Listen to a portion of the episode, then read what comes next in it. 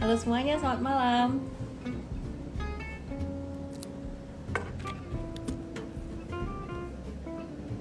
Hi, hi everyone. Oke, teman-teman, sa- eh, selamat bergabung dengan Instagram Live saya malam hari ini. Nah, nanti jam 9 kita akan ngobrol dengan Raffi Ahmad dan juga Nagita Slavina. Pengen tahu dong pastinya gimana sih cara mereka menjadi seorang entrepreneur yang sangat luar biasa banget. Dan kabarnya perusahaan Raffi Ahmad ini akan segera eh, di IPO kan loh gitu. Dan eh, selain itu kita juga pengen belajar gimana pengalaman mereka dalam trading dan berinvestasi saham. Sempat beberapa waktu yang lalu tuh kan heboh ya, ada postingan satu saham dari Raffi Ahmad. Kita pengen tahu ya nanti gimana. Jam 9 kita akan ngobrol dengan Raffi Ahmad dan juga Nagita Slavina. Tapi pastinya malam ini sebelum kita ngobrol dengan dua orang yang sangat-sangat inspiring banget eh, baik di dunia hiburan, entertainment maupun sebenarnya di entrepreneurship. Saya sangat respect dengan Raffi dan juga Nagita di dalam entrepreneurship sebenarnya. Nah, saya mau eh, bahas tentang saham-saham dulu nih teman-teman ya. Jadi saya mau bahas tentang saham-saham yang hari ini melaju pastinya dan juga dengan IHSG. Nah, kalau teman-teman perhatikan gigi suka lihat giginya giginya. Teman-teman perhatikan IHSG setelah menguat selama tiga hari berturut-turut hari ini ada satu candle merah tertahan di resisten sekitaran em, opening 6205 ya. Eh, di angka 6205 ini merupakan opening pada 29 Maret 2021 nah besok jam 10 pagi ada seminar di Mtrade aku akan jelasin tentang ini kasih lihat tentang ini buat teman-teman semuanya. Nah eh, teman-teman hari ini tadi yang paling hype banget adalah saham Bukalapak. Dibuka eh, apa namanya listing pertama kali di, di melantai di bursa dan langsung opening nggak tanggung-tanggung langsung auto reject atas. Nah hal ini menunjukkan bahwa investor retail ini sangat antusias sekali. Kenapa sih kok bisa tahu-tahu opening auto re- reject atas nggak ada kesempatan itu saham bergerak dari bawah ke atas? Karena semuanya masang di harga auto reject atas. Jadi teman-teman kalau pengen dapat buka lapak gimana besok? Tebakan saya sih, perkiraan saya, disclaimer juga ya teman-teman. Bukalapak ini bakalan dia auto reject atas beberapa hari berturut-turut. Dia bakalan eh, arah beberapa hari berturut-turut. Jadi kalau teman-teman memang penasaran, memang pengen dapat saham Bukalapak ini, sekali lagi aku disclaimer juga, langsung aja pasang order di harga auto reject atas besok. Pastinya bukan dengan eh, nominal yang ngawur dihajar bleh atas semuanya dan ini bukan pom-pom saham karena memang ini analisis aku eh, dari eh, angka Bukalapak ini sangat oversubscribe sekali ketika dia lagi di IPO eh, pre IPO kemarin itu sangat oversubscribe. Oversubscribe-nya luar biasa banget lebih dari tujuh kali gitu. Nah jadi teman-teman kalau hari ini harga closingnya di auto reject atas 1060 besok itu berarti di harga harga 13 13 14 itu kalau dibuletin berarti 1310 atau 1320 pasang aja di harga mentok atas gitu ya. Tapi nominalnya harus sesuai dengan resiko yang teman-teman bisa afford. Eh, resiko yang bisa afford itu gimana sih gini deh teman-teman kalau misalkan saham yang teman-teman beli ini ini rugi 10 sampai 20% kira-kira siap nanggung kerugiannya tuh berapa? Jadi jangan terus semuanya dihajar bleh semua ya di angka 13 20 gitu besok di angka arahnya gitu. Oke eh, tapi kalau nggak ada sell yang sell nggak mungkin dapat dong. Hmm, ya, ya, ya, ya. Maka dari itu harganya jadi auto reject atas, uh, offernya jadi nol, bidnya tinggi gitu. Oke, ya kita lihat aja. Eh, ya, ya, ya. Oke, itu aja sih yang saya bisa ngomong tentang Bukalapak. Selengkapnya tentang Bukalapak itu sebenarnya udah saya bahas di Instagram Live kemarin yang which juga udah dinaikin di YouTube mtrade underscore ID selengkapnya. Dan teman-teman jangan lupa download aplikasi mtrade bukan baju mtrade, download aplikasi mtrade. Eh, di situ ada ulasan lengkap tentang Bukalapak dan kekhawatiran-kekhawatiran kamu tentang Bukalapak, tentang valuasinya dan segala macam itu dibahas di situ lengkap banget ya. Oke, bitnya tembus 24 juta iya makanya ini aku juga baru pertama kali dalam hidupku ngeliat bit satu saham tebelnya kayak gitu sampai puluhan juta gitu 24 juta jadi ya kemungkinan besok belum tentu dikasih gitu oke okay. Uh, please. Banyak yang nanya tentang MTech EMTK MTech ini merupakan salah satu perusahaan yang dia memegang saham Bukalapak sekitar 35% dan dia nggak bisa jualan selama minimal 8 bulan gitu. Jadi di lock 8 bulan gitu. Member nggak dapat kaos ya? Aduh kok yang dicari kaos ya? Ya nanti dipertimbangkan. Oke okay? oke. Okay, dipertimbangkan untuk dijual kaosnya Ya, hari ini saham uh, eh, EMTK adalah mahkota teknologi yang kemarin sempat breakout. Hari ini uh, hari ini turun 4,41 persen dan volume transaksinya lumayan tinggi ya volume transaksinya lumayan tinggi hari ini uh, sekitaran di jam-jam opening mungkin teman-teman semuanya lebih memilih masuk ngantri di Bukalapak gitu daripada uh, beli MTech ya tapi kita lihat aja MTech sendiri menurut saya sebagai salah satu holding perusahaan teknologi dalam jangka menengah itu udah cukup bagus. Udah cukup bagus. Apaan sih kaos semua? Ngebahasnya kaos. Baiklah nanti kita jual di ini ya merchandise and trade. Oke okay. oke okay, saya jadi nggak fokus sekarang. Oke, okay, aku mau bahas untuk sentimen global dan juga sentimen nasional dan aku akan bahas saham-saham yang lain juga. Kaosnya M-Trade saya tukar sama satu lot buka. Oh iya, mau mau mau. Ditukar satu lot saham buka lapak. Konkret ya yang sempat dapat saham buka lapak di harga uh, eh, 850 di pre IPO kemarin. Oke. Okay. Ya, jadi update market hari ini. Update market hari ini ya teman-teman. Baru aja tadi aku dapat uh, info, dapat dapat satu notification dari Bloomberg bahwa data pengangguran di Amerika Serikat itu jadi sangat ya jadi jumlah penganggurannya turun banget. Jumlah penganggurannya turun banget di Amerika dan itu sangat bagus sekali. Terus ya, jadi hari ini dirilis non farm payroll hasilnya bagus. Teman-teman, Kemudian untuk COVID-19 di Indonesia juga udah agak-agak slowing down, sempat naik dikit sih, naik dikit ke 27.348. Uh, tapi ada sentimen yang positif lagi dari Indonesia, yaitu cadangan devisa. Cadangan devisa Indonesia terus menguat gitu.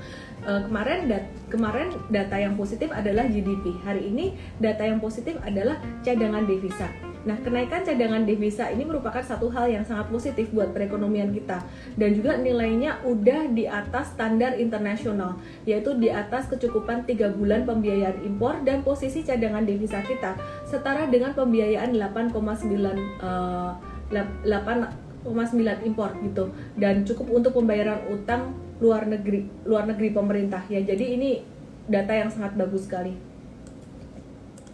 Bentar ya.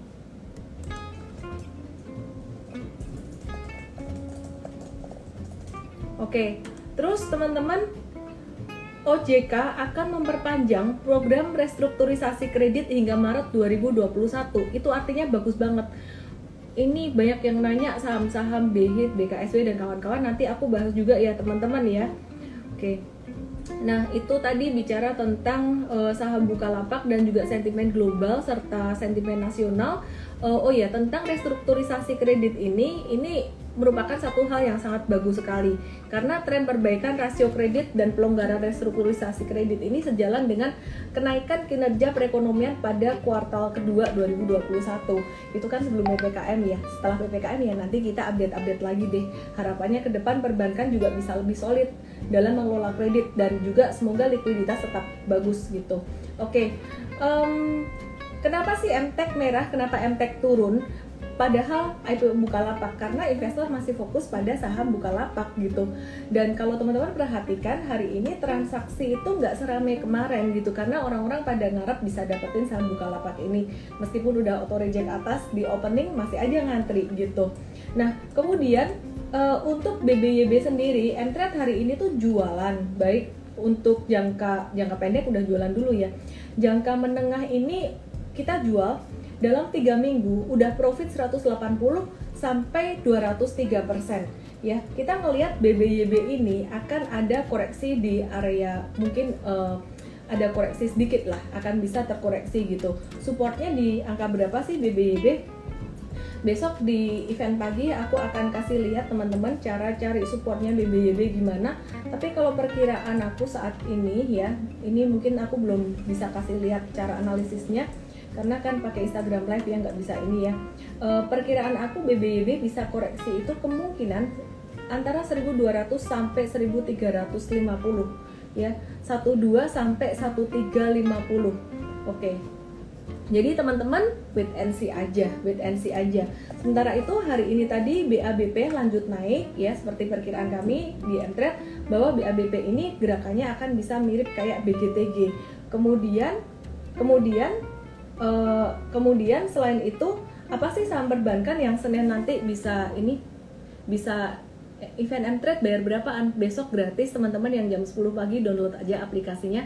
Cara masuknya ada banner di situ. Sorry ya teman-teman, aku kegerahan, aku mau ambil remote AC dulu. Selalu begini. one minute, one second. Oke. Okay. Oke, okay, oke, okay, oke. Ya, terus uh, banyak yang nanyain, baca gimana sih baca baca sebenarnya masih konsolidasi normal aja. Hari ini volume transaksinya juga kecil. Perkiraan saya sih banyak investor, banyak trader uh, retail ini yang mereka juga lebih tertarik untuk uh, lebih tertarik untuk ini ya masuk di Bukalapak gitu. Sebentar ya, Oke, terus baca masih oke-oke aja sih. Dia masih konsolidasi normal. Patternnya mirip kayak BBIB sebelum dia gerak. Saya nggak bilang baca ini bakalan gerakannya mirip dengan BBIB enggak. Tapi sekarang konsolidasi normal jadi masih oke-oke aja sebenarnya untuk hold gitu. Uh, kalau MTrade sendiri udah masuk sebenarnya dari angka maksimal kayaknya 478 atau 480-an gitu. Nah aku mau watch satu nih satu hal yang menarik. Hari ini Bank Aladin Syariah aktif ya jadi besok Senin kemungkinan besar Bank Aladin Syariah ini juga akan uh, masih bisa lanjut aktif lagi gitu. Terus kemudian yang menarik juga Bang Jago atau Arto hari ini mantul juga dari area supportnya dan dalam jangka pendek tuh bisa menuju ke 18.400 tapi kalau Bang Jago atau Arto aku nggak mau hold yang lama-lama lagi karena dia udah banyak banget naiknya. Jadi aku lebih ngelirik ke uh, eh, BBB kalau ada koreksi lagi kita akan masuk dan kemudian kita akan masuk juga di BANK BANK sih baru jalan tadi ya masih masih menarik gitu. Terus kemudian tadi ada yang nanya lagi tentang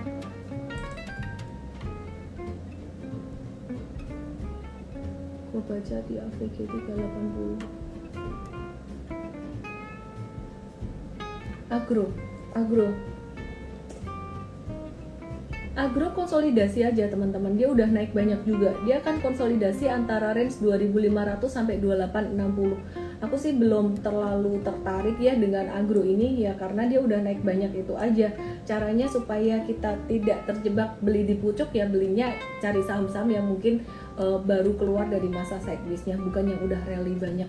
MTEK aku udah bahas tadi teman-teman hari ini turun karena fokus investor retail tuh masih pada pengen banget beli saham Bukalapak gitu. Jadi uh, mungkin mereka belum terlalu minat untuk beli beli saham yang lain gitu. Terbukti untuk saham-saham yang lain juga sebenarnya volume perdagangannya juga nggak terlalu setinggi kemarin. Oke, kemudian MMLP lumayan aktif ya. Untuk MMLP sendiri lumayan aktif. Ini perusahaan apa sih sebenarnya? MMLP ini perusahaan properti penyewa gudang industri logistik dengan model third party logistik gitu. Kita akan bahas untuk strategi trading MMLP besok hari Senin di morning briefing MTrade VIP uh, untuk strategi teknikalnya. Nah, untuk MMLP sendiri tadi lumayan aktif dan mungkin hari Senin nanti masih bisa melanjutkan kenaikan. Entret udah masuk tadi ya. Uh, kalau yang menarik dari MMLP adalah boom e-commerce ini dia boom e-commerce juga akan mendorong kinerja dari MMLP. Jadi ada dampaknya juga. Nah, pada tahun 2020 kemarin Bank Indonesia itu mencatatkan nilai transaksi marketplace besar 253 eh, triliun atau naik 20,4% dari tahun sebelumnya. Nah, kenaikan itu diperkirakan masih terjadi tahun ini dan proyeksi pertumbuhannya 33,2% tahunan. Nah, e, tren itu jadi salah satu dorongan bagi kinerja MMLP mengingat 25% dari tenant MMLP merupakan e-commerce gitu. Jadi MMLP ini sangat diuntungkan sekali dengan boom e-commerce-nya. Apa hubungannya sih? Dia tuh merupakan perusahaan properti yang menyewakan gudang industri logistik dengan model uh, third party logistik gitu. Jadi saat ini MMLP itu punya 13 gudang dengan net leasable area seluas 368.000 uh, meter persegi dan juga land banknya 440.000 meter persegi gitu. Oke. Dia juga melayani 49 penyewa di antaranya adalah Unilever dan Lazada. Nah, yang menarik juga Friend, Friend juga uh, aktif, Friend juga aktif, Excel juga lumayan aktif. Ya, teman-teman mungkin bisa jadi watch list buat besok Senin. Kalau M-Trade sih sebenarnya udah uh, entry duluan gitu. Nah, untuk NFCX, NFCX ini labanya melesat 500%, sahamnya masih belum liquid, tapi labanya melesat naik 500% ya. Jadi mungkin teman-teman bisa watch saham ini. Dia naik 500% secara tahunan year on year atau naik jadi 182,6 miliar gitu. Itu aja teman-teman yang saya mau bagiin sebelum saya ngobrol dengan Raffi dan uh, Nagita saya akan invite Coach Andre Benas dari Mtrade ID. BTPS gimana? Kita aku bahas BTPS ya. BTPS naik jangka pendek dari downtrendnya dia kemungkinan akan uh, masuk masa sideways dulu. Resistennya di 2700, supportnya di 2220 uh, kita belum tertarik untuk di BTPS ini sih lebih ke BBTN-nya instead of BTPS. Halo Coach Andre. Halo. How are you? Sehat? Good, good, good. Sehat. Oke. Okay. Kembali aku perkenalkan mungkin teman-teman baru bergabung. Aku kenalin Coach Andre Benas. Beliau adalah Chief of Equity Research dari Mtrade, Mtrade ID. Uh, Mtrade ID adalah platform edukasi uh, edukasi saham ya khususnya ya dan juga edukasi untuk capital market. Oke, okay, Coach Andre, malam hari ini ada data NFP nih, ada data pengangguran dari Amerika Serikat tuh dikeluarin dan datanya cukup bagus. Menurut Coach Andre itu dampaknya apa sih dan nanti dampaknya ke Indonesia apa? Sebelum kita juga akan pastinya bahas saham Bukalapak dan banyak banget hari ini yang nanya tentang MTEK kenapa turun meskipun tadi aku udah bahas Coach Andre boleh tuh tambah-tambahin silakan. Oke, okay, mungkin untuk dampak NFP sebenarnya lebih ke makronya ya. Mungkin uh, kita lihat dari dolarnya juga masih agak melemah, kemudian uh, tapering juga belum uh, belum ada kelihatan ya. Uh, kalau saya lihat juga tadi saya barusan cek dolar apa bond yieldnya US juga masih di bawah. Jadi impactnya sebenarnya kalau ke emerging market adalah liquidity ya. Jadi kita tahu uh, market sekarang ini dilimpahi banyak liquidity termasuk di Indonesia uh, mungkin liquidity di Indonesia juga uh, dibantu oleh uh, eh, LDR dari bank-bank yang rendah ya. Apalagi nanti ekonomi juga uh, semakin berjalan, kita lihat the bond yield Indonesia juga masih cukup rendah. Jadi uh, untuk sementara saya melihat sih pertumbuhan ekonomi mestinya di global ini jadi cukup baik ya. Jadi Indonesia nanti bisa ekspor, ekspor impornya juga bisa bertumbuh. Jadi saya lihat uh, impactnya sih positif ya untuk global market uh, karena uh, kalau US bagus overall kan banyak negara yang trade sama dia ya jadi hmm. uh, ekspor impor jalan harga komoditi juga positif mungkin ini membahas okay. juga tentang oke okay. nggak apa oke oke oke coach Andre uh, mungkin bisa turunin uh. dikit kameranya biar nggak kepotong ini question hmm. oke okay. ini saham-saham hari ini kayaknya agak-agak kurang kurang atraktif ya kurang aktif gitu uh, karena hmm. si teman-teman semuanya investor ini pada ngebet mau masuk ke Bukalapak dan antrian belinya tuh sampai tadi 24 juta gitu. Kalau Coach Andre ngelihat nih, nanti ke depan tuh Bukalapak bakalan bisa auto reject atas tuh sampai kapan sih? Kalau aku ngelihatnya masih bisa naik selama auto reject atas mungkin beberapa hari lagi. Kalau Coach Andre lihatnya gimana? Oke, okay, jadi mungkin sebelum kita ngomongin auto reject atas ya, uh, jadi I think ada beberapa view ya. Jadi kita lihat mungkin dalam beberapa uh, hari terakhir, uh, mungkin dari company sendiri juga mengeluarkan perspektif bahwa ternyata valuasinya juga nggak terlalu mahal atau decent lah dengan growth yang cukup bagus. Tapi sebenarnya yang bikin menarik itu adalah berita baru mungkin dua hari yang lalu ya, bahwa si Bukalapak ini ketika listing langsung masuk ke LQ45 sama uh, uh, kalau nggak salah IDX30 ya. Jadi uh, impactnya apa? Jadi impactnya ini kemarin banyak uh, reksadana, reksadana yang nggak nggak mau beli mereka harus beli gitu. Kenapa? Karena kan kalau teman-teman beli reksadana, terutama reksadana yang mungkin uh, equity fund, rata-rata itu banyak kan indexing ya. Jadi indexing itu apa? Jadi indexing mereka tuh beli basket of stock uh, langsung mungkin dari LQ45. Nah, ini dengan masuknya Bukalapak, Bukalapak itu market kapitalisasinya sangat besar. Jadi mau nggak mau uh, ketika Bukalapak hmm. listing, fund yang kemarin nggak kebeli, nggak ngebeli di pre-IPO, mereka mesti kejar. Jadi itu termasuk dapen, itu mungkin termasuk insurance, uh, mungkin termasuk uh, reksadana yang kita kenal di platform-platform. Uh, Jadinya mereka harus hajar beli gitu. Tadi saya pagi dapat info uh, udah banyak institutional fund yang ngantri di kiri. Jadi bukan hanya teman-teman investor retail aja nggak dapat, tapi teman-teman dari uh, fund juga banyak yang nggak dapat. Jadi saya rasa mungkin Senin masih berlanjut. Uh, saya nggak tahu sampai kapan, tapi kelihatannya sekarang uh, cukup bagus. Ya. Ditanya nih, buka hmm. lapak dalam dua bulan bisa nyalip Arto nggak? Jangankan dalam dua bulan teman-teman, ini dalam berapa hari aja. Ini bakal masih bisa arah terus. Nggak usah dua bulan. Ya kan, Dre?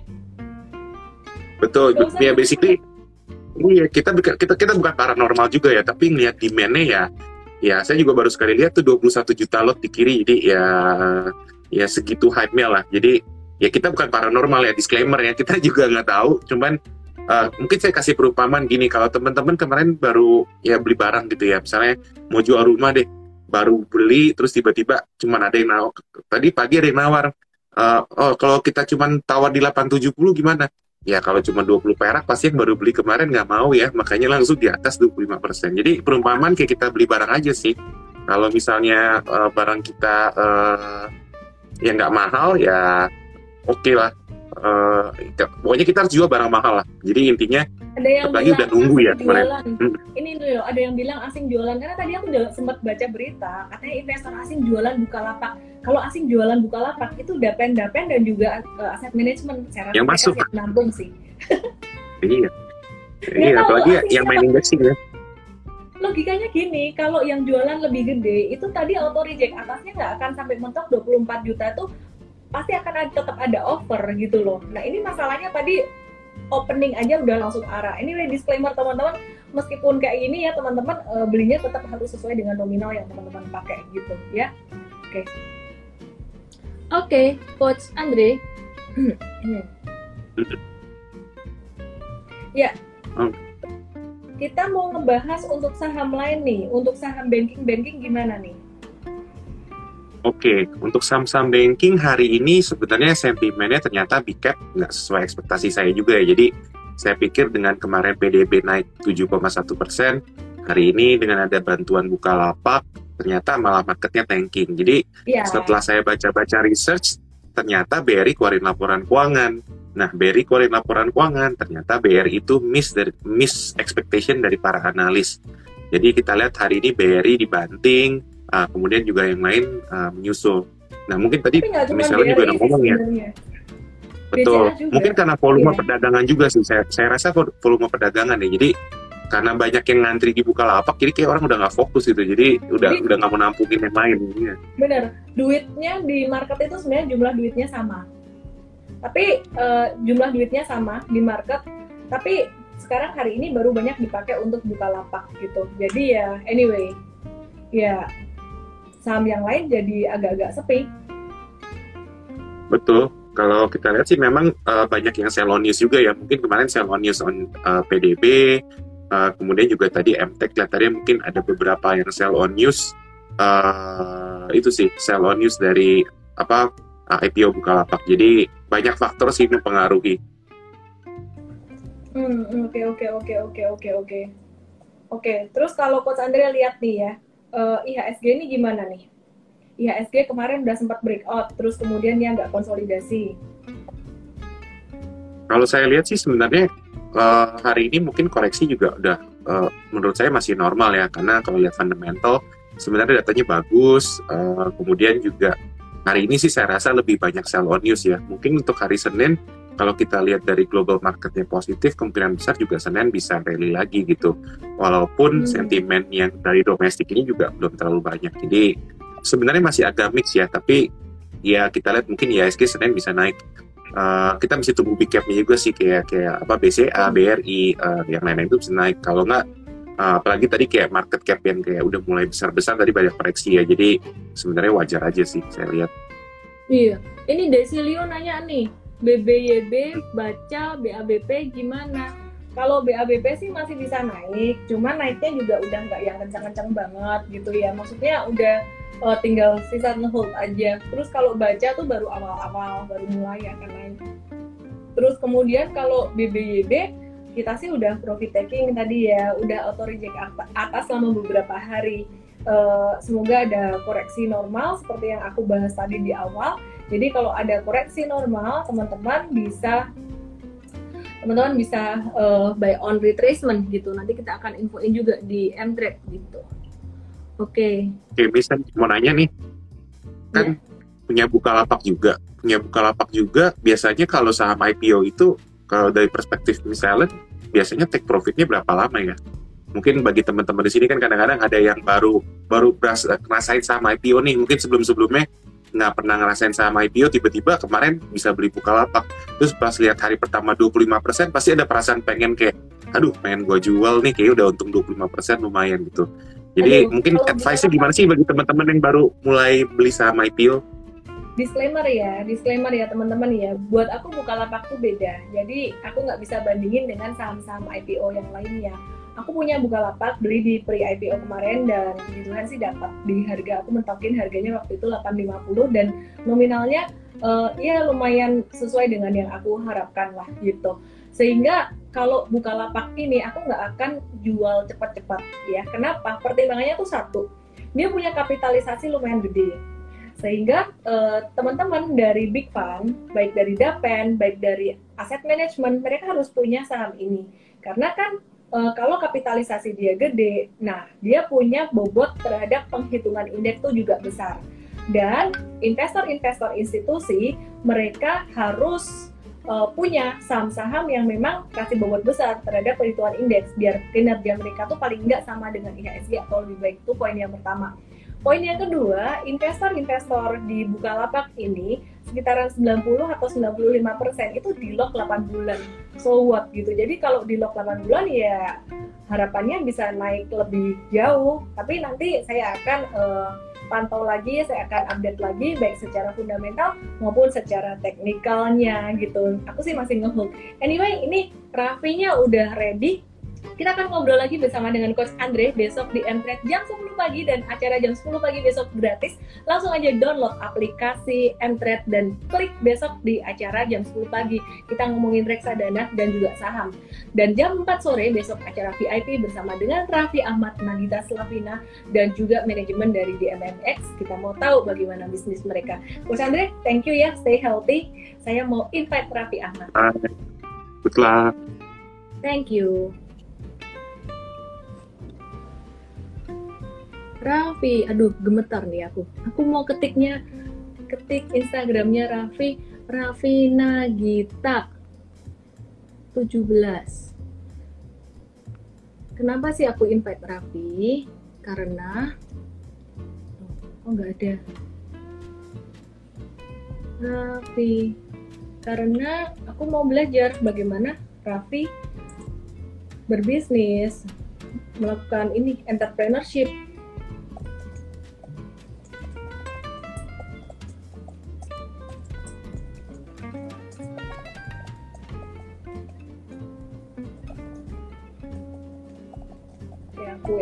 WA dulu ya aku coba cari ini kok nggak ada ya eh ini dia Raffi Nagita Raffi di manakah kamu oke okay. oke okay.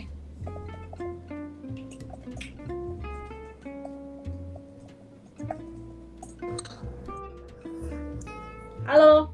Hai. Hai, selamat malam Gigi. Halo Raffi. Thank you Hai. banget ya. Hai, hai Raffi dan Gigi. Uh, kabar? Buat ya good good buat follower aku pastinya udah nggak asing dong dengan Raffi dan Gigi seleb Indonesia yang sangat ketat sangat luar biasa ya luar biasa banget. Oke okay, yes. sehat selalu Raffi Gigi apa kabar? Sehat dong. Apa kabar Ibu Emai? Ellen Ibu Ellen. Panggil Ellen aja Ellen aja. Emai lah ini satu game pasti manggilnya Emai. Ada Oke. Mana Emai? Ellen, Ellen. Oke, Raf, Ya. eh, Raffi, Gigi, kongret ya by the way buat eh, buat ini ya, buat kehamilan Gigi ini ya untuk Oke, anak kedua. Iya, kongret. Hmm. Ya, buat teman-teman semua follower Raffi dan Gigi, aku mau perkenalkan diri. Aku adalah Ellen, Ellen May. Aku adalah founder dan CEO Mtrade. Malam hari ini aku mau interview Raffi dan Gigi karena aku penasaran banget dengan sosok Raffi dan Gigi ini yang bukan hanya menjadi influencer, menjadi eh, dan sangat sukses di entertainment, tapi sebenarnya Raffi dan Gigi ini sangat sukses juga di keluarga dan di entrepreneurship serta investasi. Iya dong. Pastinya semuanya pengen jadi kayak Raffi dan Gigi nih, ya hidup bahagia, kaya raya, apalagi nih. Ah, Masya Allah, amin, amin. ya kita penasaran nih, Raffi Gigi, kalian punya bisnis apa aja sih? Kalau run sendiri sih sekarang kita di digital juga kita banyak sih ada ada content creator, Iya, ada ke lifestyle juga, ada ke Entertainment lah. entertainment, ke sport, ke e-sport. Kita juga nanti mau ada ke lifestyle yang ke properti juga. Jadi ya karena kita udah korporasi, jadi kita ke mana-mana. Tapi yang sekarang kita lagi tekuninnya itu di digital juga. Jadi kita banyak berkolaborasi. Maraknya banyak banget digital-digital yang udah tumbuh. Jadi kita juga berkolaborasi banyak dengan mereka juga gitu. Hmm, nanti aku akan tanya-tanya juga nih dengan Gigi tentang investasi, pastinya investasi saham ya gitu.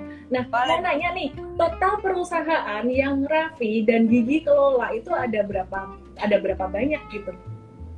Ah, ya ada beberapa sih aku tuh nggak lupa deh karena beberapa tuh memang kan ya namanya kita kita belajar bisnis itu kan eh, sebenarnya bukan baru gitu udah beberapa dari beberapa tahun yang lalu jadi ada yang mungkin udah nggak nggak perform udah nggak eh, udah nggak apa namanya udah nggak beroperasi eh, udah nggak beroperasi jadi ya tapi memang sekarang main main fokusnya sih di sini sini aja gitu Jadi lebih ke digital sih Hmm. untuk Hmm, Raffi, kalau Raffi sendiri ada rencana mau IPO nggak Raffi dari Rans Entertainment?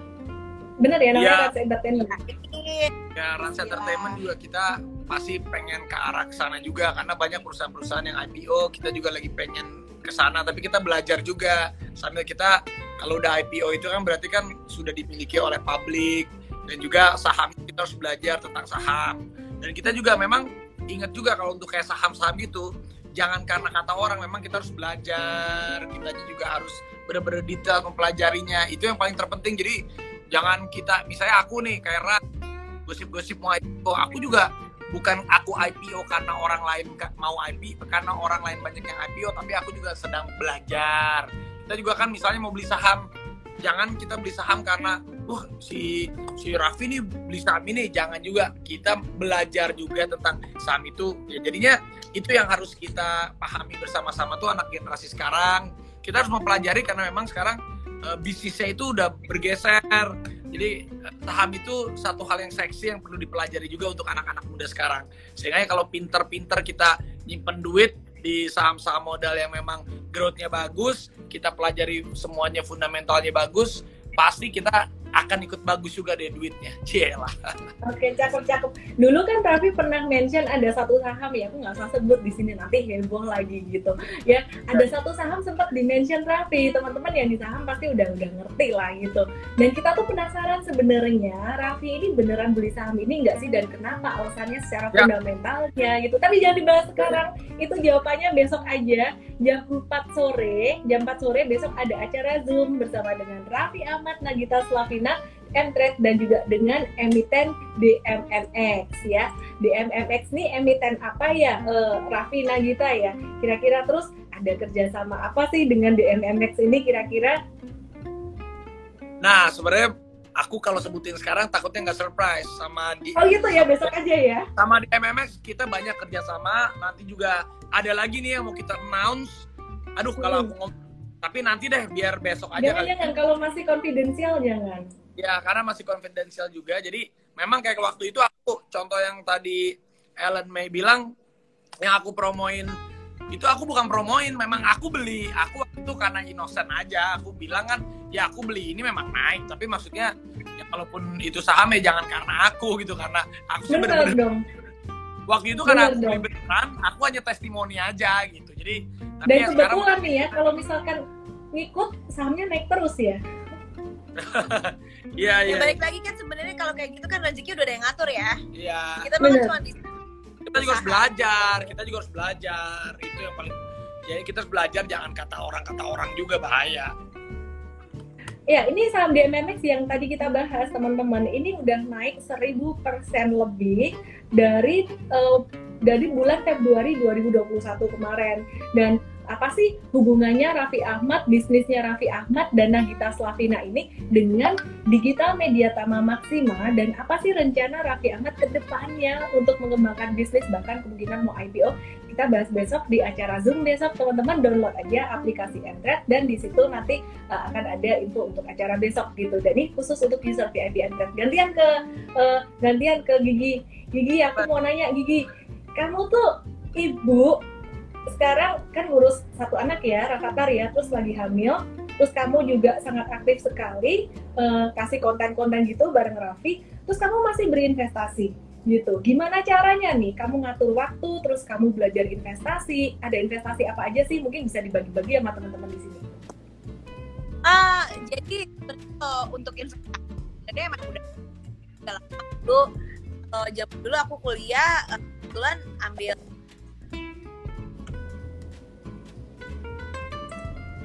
halo halo sorry sorry sempat mati ya jadi eh, emang belajar dulu tuh awalnya karena kuliah gitu karena dulu kuliah eh, kalau ya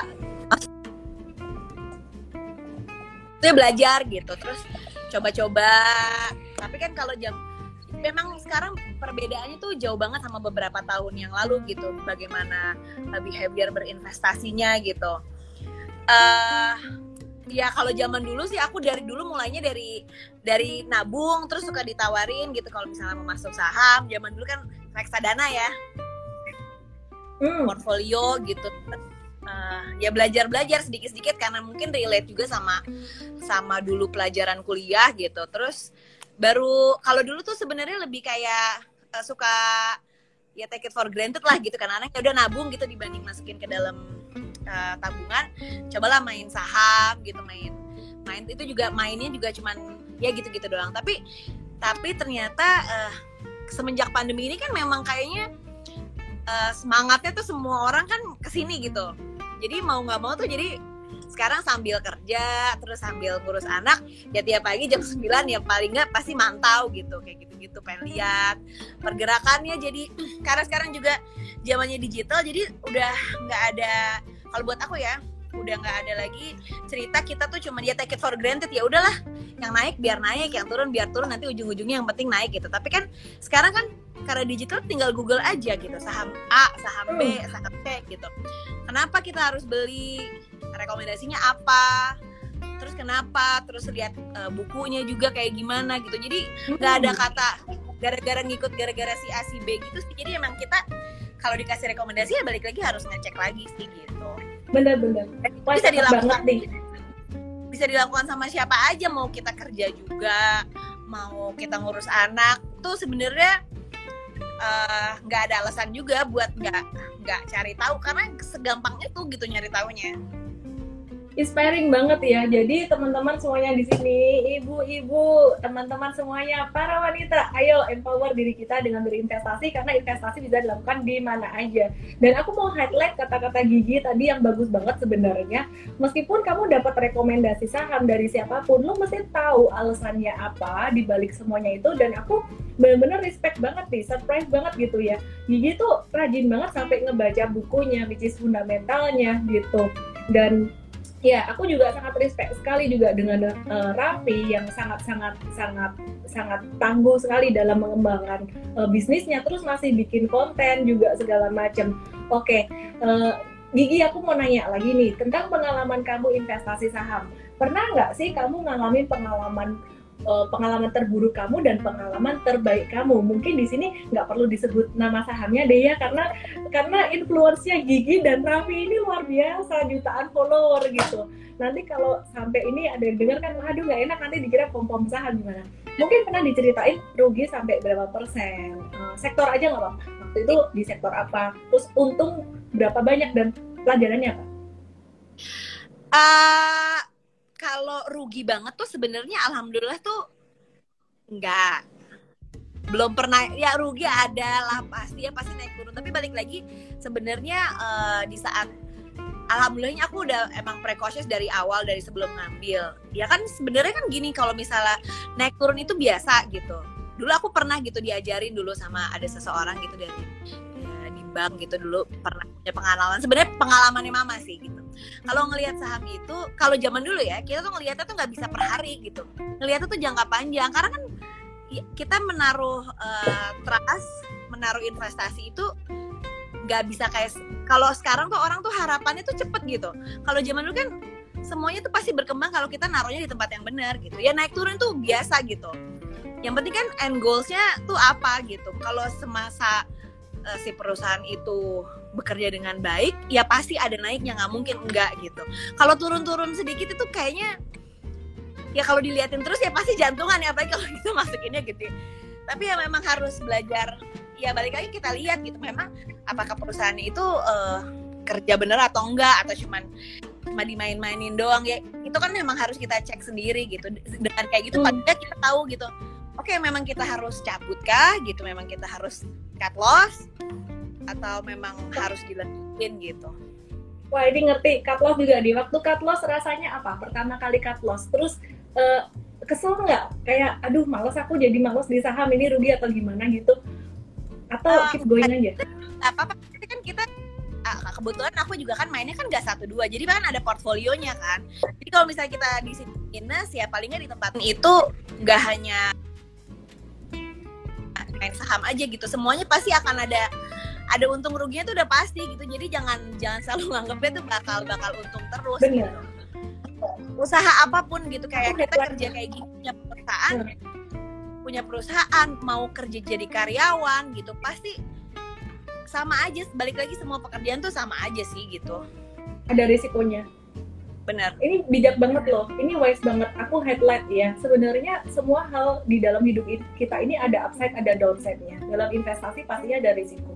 Dalam pekerjaan ada juga risiko. Mungkin ditipu atau apa pun risiko apa pun gitu. Banyak banyak hal lah.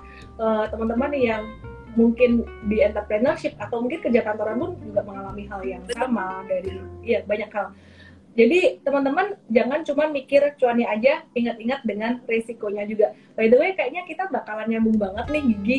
Uh, nanti kita ngobrol WhatsAppan, selain ngobrolin tentang saham, nanti aku kasih akses trade seumur hidup gratis. kita diskusi tentang saham. Terus habis itu aku mau uh, diskusi sama kamu gimana kulit kamu itu kinclong glowing banget gitu. Waduh. Aku Halo Rafathar. Halo Hai. Hai aku juga udah nanam saham lagi baru ini udah mau lahir nih. Gimana aku tanam saham saham baby saham baby. Aku tanam saham.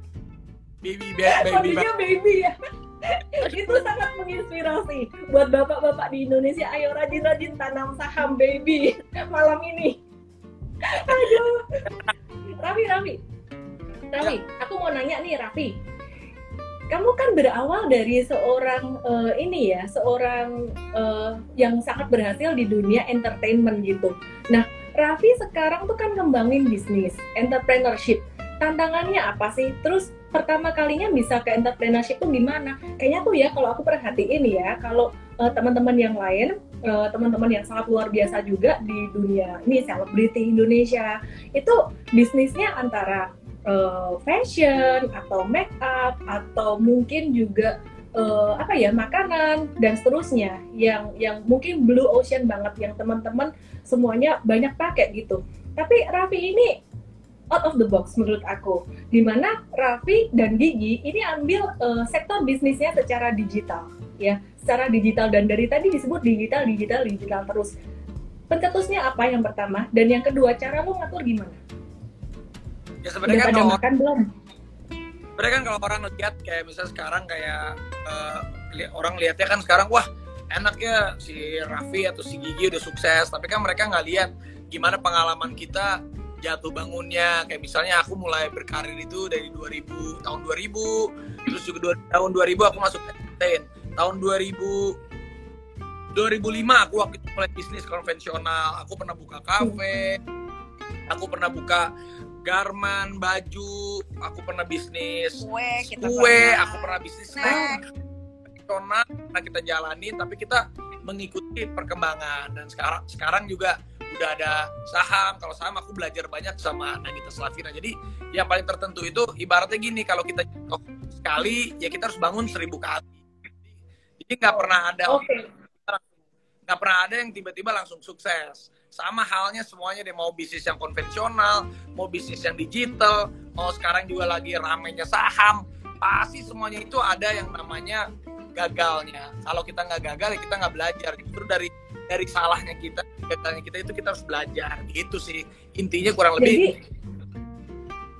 hmm, kesimpulannya banyak trial and error nih ya. Dulu kan bisnisnya banyak macam-macam gitu kalau bisa disimpulkan sampai sekarang, mana sih uh, yang menurut Raffi itu paling berhasil bisnis yang mana? Terus boleh dong kasih tipsnya dikit buat teman-teman eh kalau lo mau bisnis lo tuh berhasil tuh gini gini gini loh mungkin milih orang yang benar atau apa pun. Pelajaran terpenting ketika Raffi merasakan waduh harusnya gue tahu ini nih dari dulu.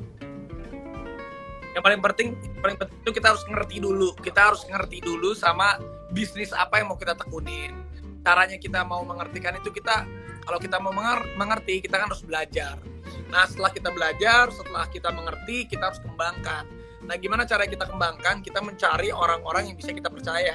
Karena nggak ada tuh yang namanya Superman, yang ada itu super team. Jadi kita harus mempercayakan sama orang-orang yang profesional yang memang kita bisa jadikan super team bersama-sama. Jadi hebatnya kita, suksesnya kita tuh pasti bukan karena satu orang, tapi juga karena orang sekitar. Misalnya kalau aku syuting sendirian, aku juga nggak bisa syuting sukses karena kan banyak kru juga. Saat kita punya hmm. punya company, mungkin kalau karyawan kita sedikit, uh, suksesnya kita ibaratnya nilainya 7 semakin banyak bisa jadi 8 semakin banyak lagi bisa 10 jadi kita harus bisa mengerti apa yang bisnis kita mau lakukan dan kita harus percayakan hmm. kepada orang yang memang kita uh, qualify bisa berada di circle kita untuk membesarkan bisnis kita gitu. Oke, buat teman-teman yang baru bergabung, kita bukan lagi iko-ikoyan, tapi kita mau kasih uh, knowledge buat teman-teman semuanya dalam berbisnis dan juga berinvestasi ala Raffi Ahmad dan juga Nagita Slavina. Di sini dari Raffi Ahmad, aku highlight satu hal yang sangat uh, bagus banget tadi kita tuh butuh yang namanya super team gitu. Nah, gimana sih caranya Raffi memilih orang terutama dalam Rans, Rans Entertainment ini? E, gimana caranya Raffi milih orang yang tepat, terus kemudian cara mengatur manajemen itu gimana? Yang efisien? Ya, terkadang kita itu kalau orang itu banyak, tapi kita harus mencari orang yang baik. Kalau kata Nagita tuh, jadi terkadang kalau kita mencari orang pintar itu banyak, tetapi kan kadang kalau orangnya tidak wise itu yang paling berbahaya. Kalau orang tidak wise bisa menyia-nyiakan kesempatan kita, kepercayaan kita, bisa bisa. Jadi kita benar-benar harus mencari orang uh, kepercayaan kita itu selain pinter tapi juga dia wise gitu. Itu yang paling penting sih kuncinya kita kan mau sharing-sharing ya uh, bersama dengan uh, Mtrade di, di di aplikasi kita ya teman-teman download aplikasi Mtrade tentang edukasi tentang uh, finansial dan juga khususnya saham investasi saham. Kira-kira tuh Gigi sama Raffi mau cerita tentang apa sih besok bocorin dong dikit-dikit. Oke, kalau besok sih pastinya apa ya? Aku juga nggak bisa ngomong banyak deh. Pokoknya nonton aja besok. Pokoknya kalau kita mau berbagi kisah, berbagi pengalaman kita tentang yang lagi keren sekarang, permasalahan tentang saham-saham udah deh besok kita lebih enak ngobrolnya bisa lebih gokil lagi ya kita lebih lebih terbuka lah. Hmm, kayaknya tuh besok uh, kita kan juga ada bareng emiten ya dengan digital media Tama kenapa saya gabungin ini? Karena sepertinya uh, Raffi ada ini ya bisnis di Jiras yang ada ada kerjasama juga dengan mereka gitu. Jadi probably bisa ngobrol bareng gitu. Oke. Okay. nah Raffi sama Gigi uh, boleh dong dikasih dikasih sharing-sharing juga buat teman-teman nih secara uh, keluarga gitu. Gimana sih caranya kalian ngatur waktu bisa bisa keluarga baik, terus kemudian bisnis baik dan berkembang?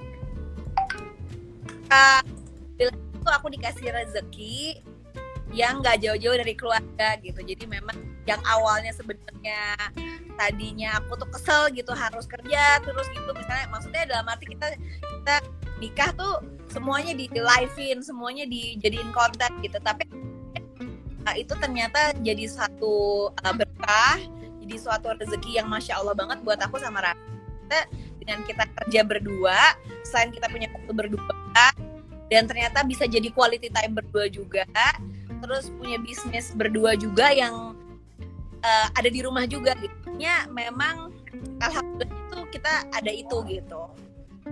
Hmm, hmm, hmm, hmm, hmm. Oke oke kayaknya sampai di sini aja sih obrolan kita dengan Raffi dan Gigi. Raffi dan Gigi juga mau istirahat ya. Mana Rafathar tadi? Kita, Udah dipanggil-panggil kan? Hmm? Ya besok ketemu Apa? ya. Besok, besok ya. ketemu jam 4 sore ya. Jam 4 sore bareng dengan Raffi dan Gigi. Kita akan belajar banyak bersama di aplikasi Android. Halo Rafathar, kamu mau dede cowok atau cewek? Adiknya siapa cowok? Cowok. Adikmu cowok. Ada cowok ya. Nanti oh, minta lagi ya nambah lagi papa nama papa ini minta papa nabung saham baby cewek. Oh, Setahun satu. Oke, okay. Sehat selalu keluarga Rans, nah, Raffi dan Nagita. Uh, saya, ya, aku personally sangat respect dengan kalian, luar biasa banget. Selalu menginspirasi ya. Iya? Thank you closing statement dong kasih satu closing statement closing statementnya kita harus pintar-pintar beradaptasi dan mempelajari teknologi karena dengan kita mau beradaptasi itu berarti kita tidak cepat puas karena hidup ini berat dunia besar kita untuk bisa beradaptasi dengan keadaannya kalau gigi? Apa ya uh, sekarang kayaknya udah nggak ada alasan lagi buat kita tuh nggak cari tahu gitu. Karena sekarang semuanya gampang mau kerja apa aja mau ngapain aja nggak ada alasan buat jadi orang yang clueless gitu. Jadi emang harus banyak cari tahu gitu. Kalau nggak ya sama aja sama orang-orang yang biasa-biasa aja kalau kita mau main ini ada yang nanya tipsnya bikin anak ganteng gimana gitu. Uh. Raffi gimana caranya nabung saham baby ganteng gitu? Ya bikin aja terus. Bikin aja terus sampai berhasil. Ya udahlah selamat beristirahat ya. Thank you semuanya. Dan jangan lupa join di acara besok jam 4 di aplikasi Android night night Raffi Nagita. Dah